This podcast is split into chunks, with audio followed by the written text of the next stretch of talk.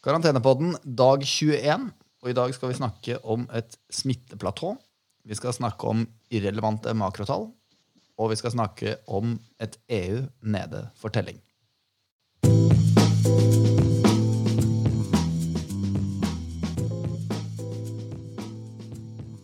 Er du med meg, Kristian? Det er jeg. Jeg sa jo karantenepodden dag 21, men eh, vi har jo sittet inne i det fengselet her mye lenger enn 21 dager nå. Husker du første karantenepodden vi spilte inn? Hvilken dag det var? Ja. Nei, det husker jeg ikke. Det var 16. mars. Så i dag så er det vel 23. april. Så nå har vi overlevd det her lenge. Vi har det. Og forhåpentligvis, når du gir meg en smitteoppdatering nå, så kan det tyde på at vi skal overleve lenger òg. Hva er siste nytt? Det siste er jo at eh, tendensen fortsetter i samme retning. At de fleste landene ser ut til å ha passert eh, smittetoppen, selv om ikke alle byer i USA eksempelvis eh, har fått sine kurver til å begynne å flate ut. Fordi enkelte stater og byer har fortsatt en stigende kurve i USA, til tross for at flere delstater også ønsker å, å restarte økonomien og åpne opp eh, økonomien igjen. Kanskje de har blitt påvirket av disse gærne eh, folka som driver og demonstrerer. Men eh, det vi også ser er at eh, når vi ser på smittekurver eller dødskurver, så er det ikke slik at eh, de bare topper ut og stuper ned. For det vi ser f.eks. i Italia, Spania, USA, det er at eh, man, man når en topp, og så holder egentlig veksten både i dødsfall og antall nye smittede på seg på et relativt høyt nivå. Og Det indikerer at man har en ganske eh, fet eh, hale man skal kalle det, i forhold til eh, hvordan smitteveksten utvikler seg. Og Det betyr at selv om både bedrifter og ikke minst myndigheter begynner å bli ganske gira på å få økonomien i gang igjen, så er det definitivt ingen enkel oppgave når man ser at det er såpass mye eh, smittevekst eh, fortsatt i en del av de landene som, som vi følger mye med på. Eh, ellers så er det jo flere medisiner som det kommer stadig mye nyheter om. Vi venter fortsatt på kliniske forsøk relatert til remdesivir, som det var mye snakk om forrige uke. Og vi venter at det kommer nyheter rundt det i løpet av eh, en uke eller to. og Det samme også for en medisin som heter Kevsara, som også skal ha vist eh, enkelte eh, lovende eh, resultater i, i, i bruk. Også et medikament som heter Avigan skal også ha vist lovende utsikter. Så det kan være at vi får flere hyggelige nyheter relatert til medisiner. Ikke nødvendigvis vaksine ennå, men medisiner som kan bidra til å dempe eh, dødsraten, eh, og ikke minst hvordan økonomien kan klare seg, med tanke på at eh, helsesystemet da ikke nødvendigvis blir så overbelasta. Ellers har det vært en relativt sett positiv utvikling i land som Russland, Brasil, India og Tyrkia, som jo er fremvoksende økonomier hvor man har vært veldig bekymret for utviklingen, spesielt med tanke på f.eks. India, som har et eh, litt mindre eh, godt utviklet eh, helsesystem. Men her også ser kurven heldigvis ut til å toppe ut, så fremt vi kan stole på statistikken.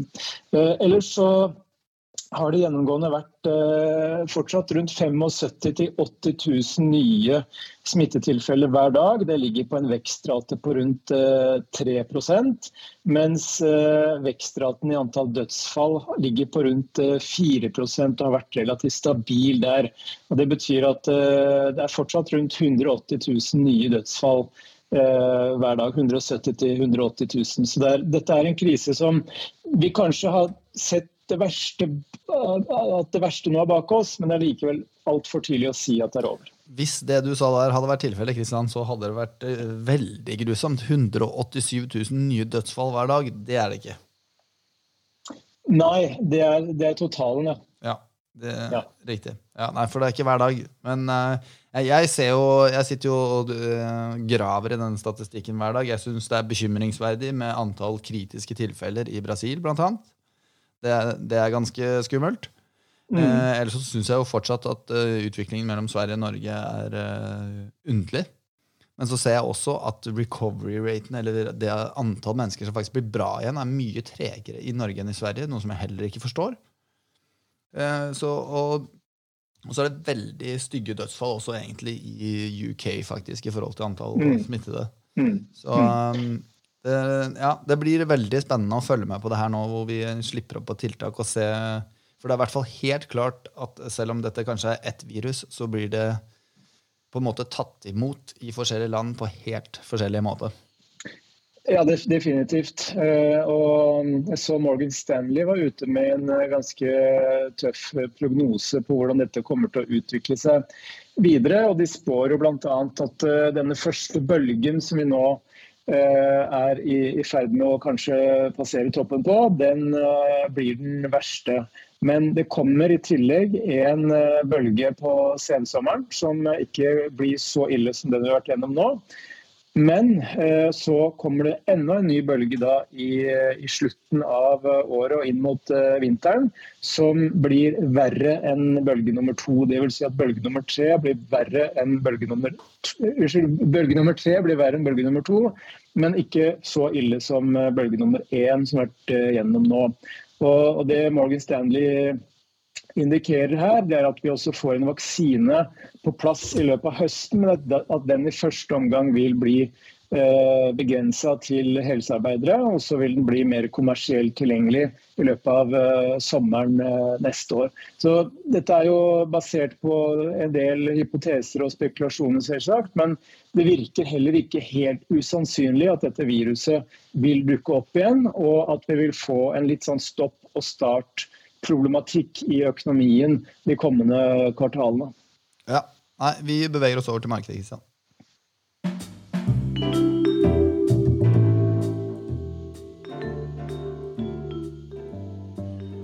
Så hvordan har det gått de siste par dagene?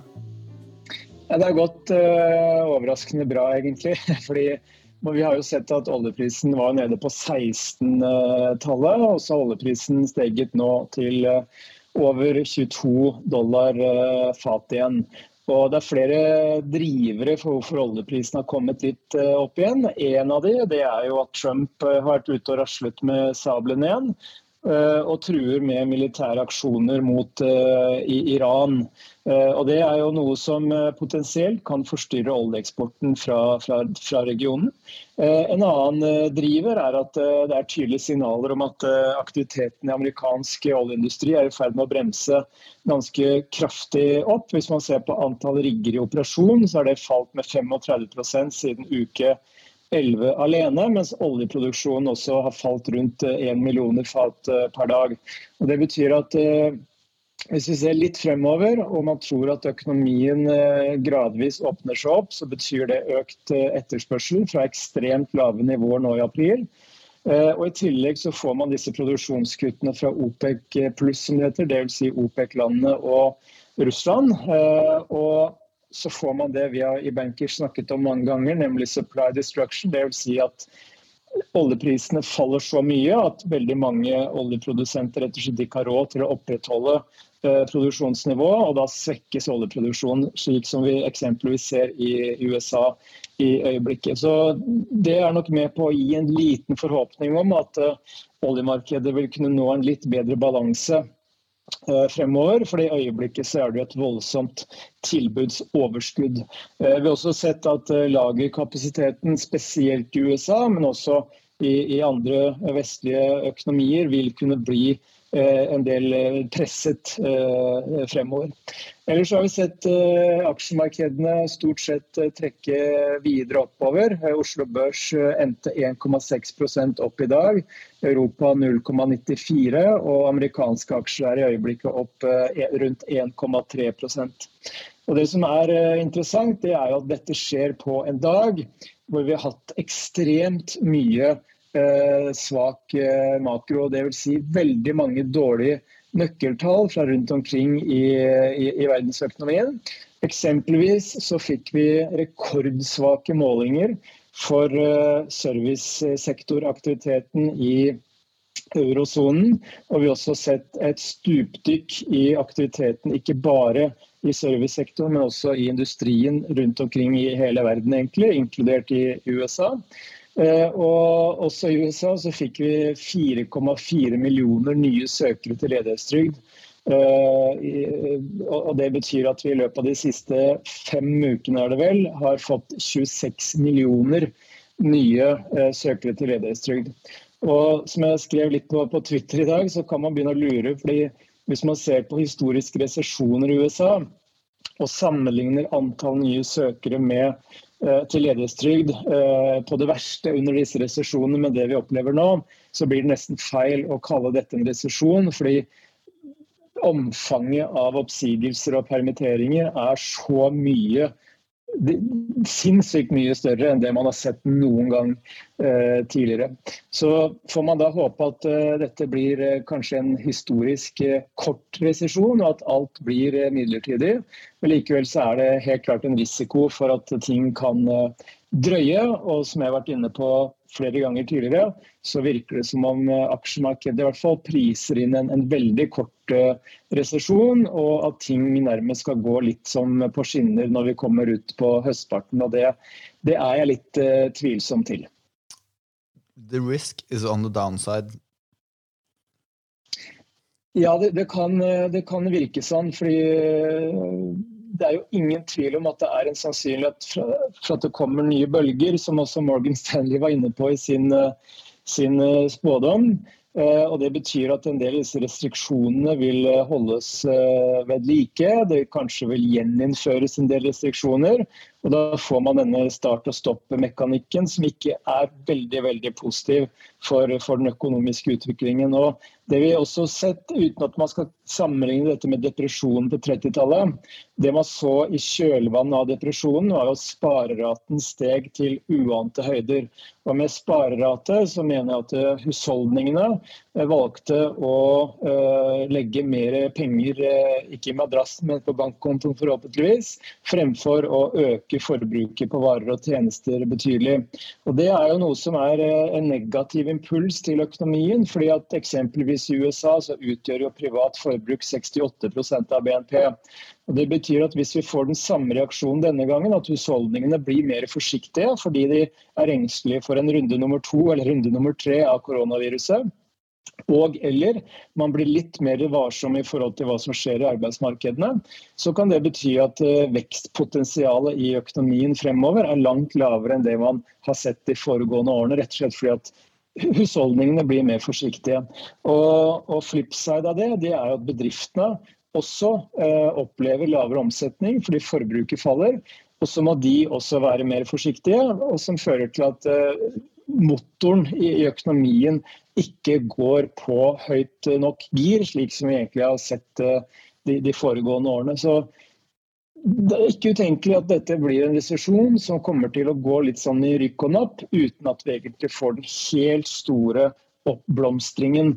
Eh, og det, det, kan faktisk ta noen år før vi får, eh, kommer tilbake til noe som kan ligne på en normal. Du har en elegant måte å flette sammen landminer for økonomien, Christian. Vi beveger oss over til policy.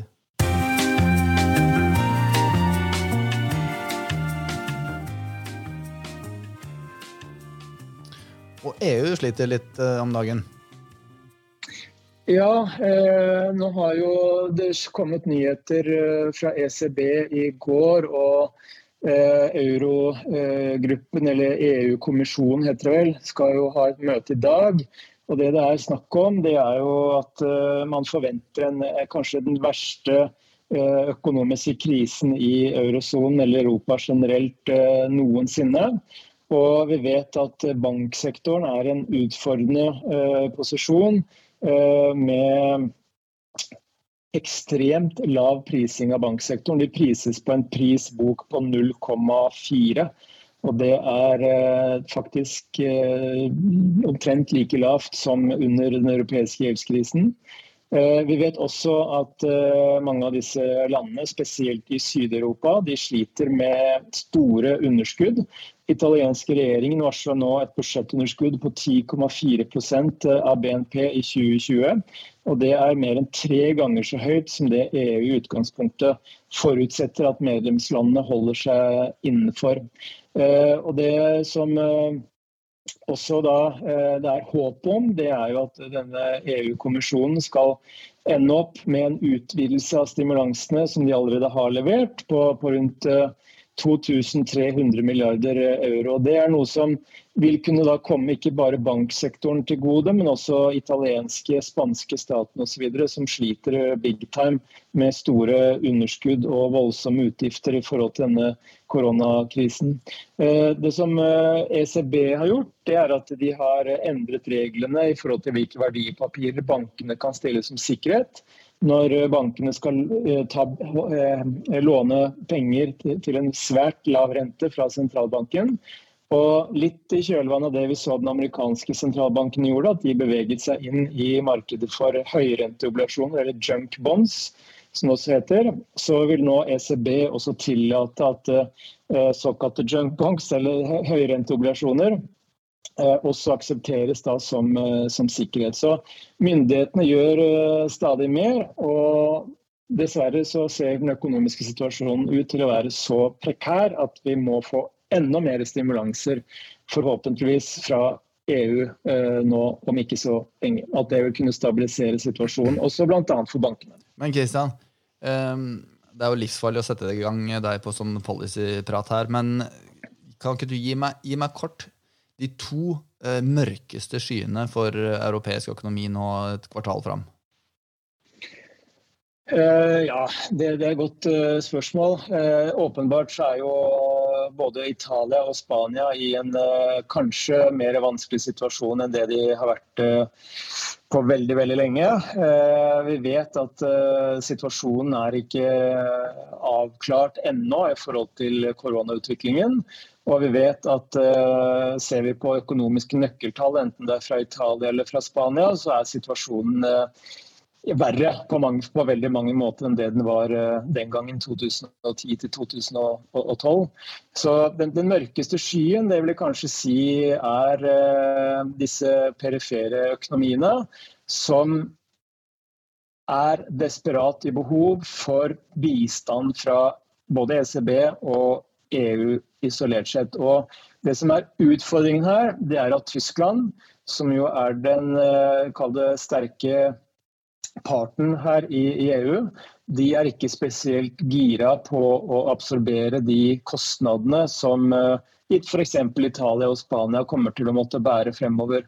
Og Det skaper uh, splid uh, innad i EU og øker spekulasjonene på om uh, eurosamarbeidet eller EU kommer til å overleve denne krisen, eventuelt i kjølvannet av denne krisen. Så det, det, er kanskje den største mørke skyen, at man uh, begynner å få en sånn eksistensiell problematikk knyttet til, uh, til EU og eurosamarbeidet igjen. Det er skummelt. Uh, vil du plugge noe før vi runder av, Kristian? Ehm, nei, jeg vil vel egentlig bare oppfordre folk til å følge med på, på Twitter igjen. Jeg vet mange har gjort det allerede. For jeg prøver å fange opp jeg sitter jo og leser stort sett eh, hele dagen og prøver å fange opp det som er interessant og relevant og legge ut på, på Twitter. Det er veldig enkelt for meg å gjøre. Så, ja. ja. og da bare søker du på da søker du alfakrøll lie chr på Twitter. Da finner du Christian, og da kan du følge med på alt han legger ut der. Ja. ja. Eh, men du, Christian, vi høres ikke igjen i morgen, men vi høres på mandag. Det gjør vi. Så da får du bare ha en god helg, Christian. Du òg. Ha det. Ha det.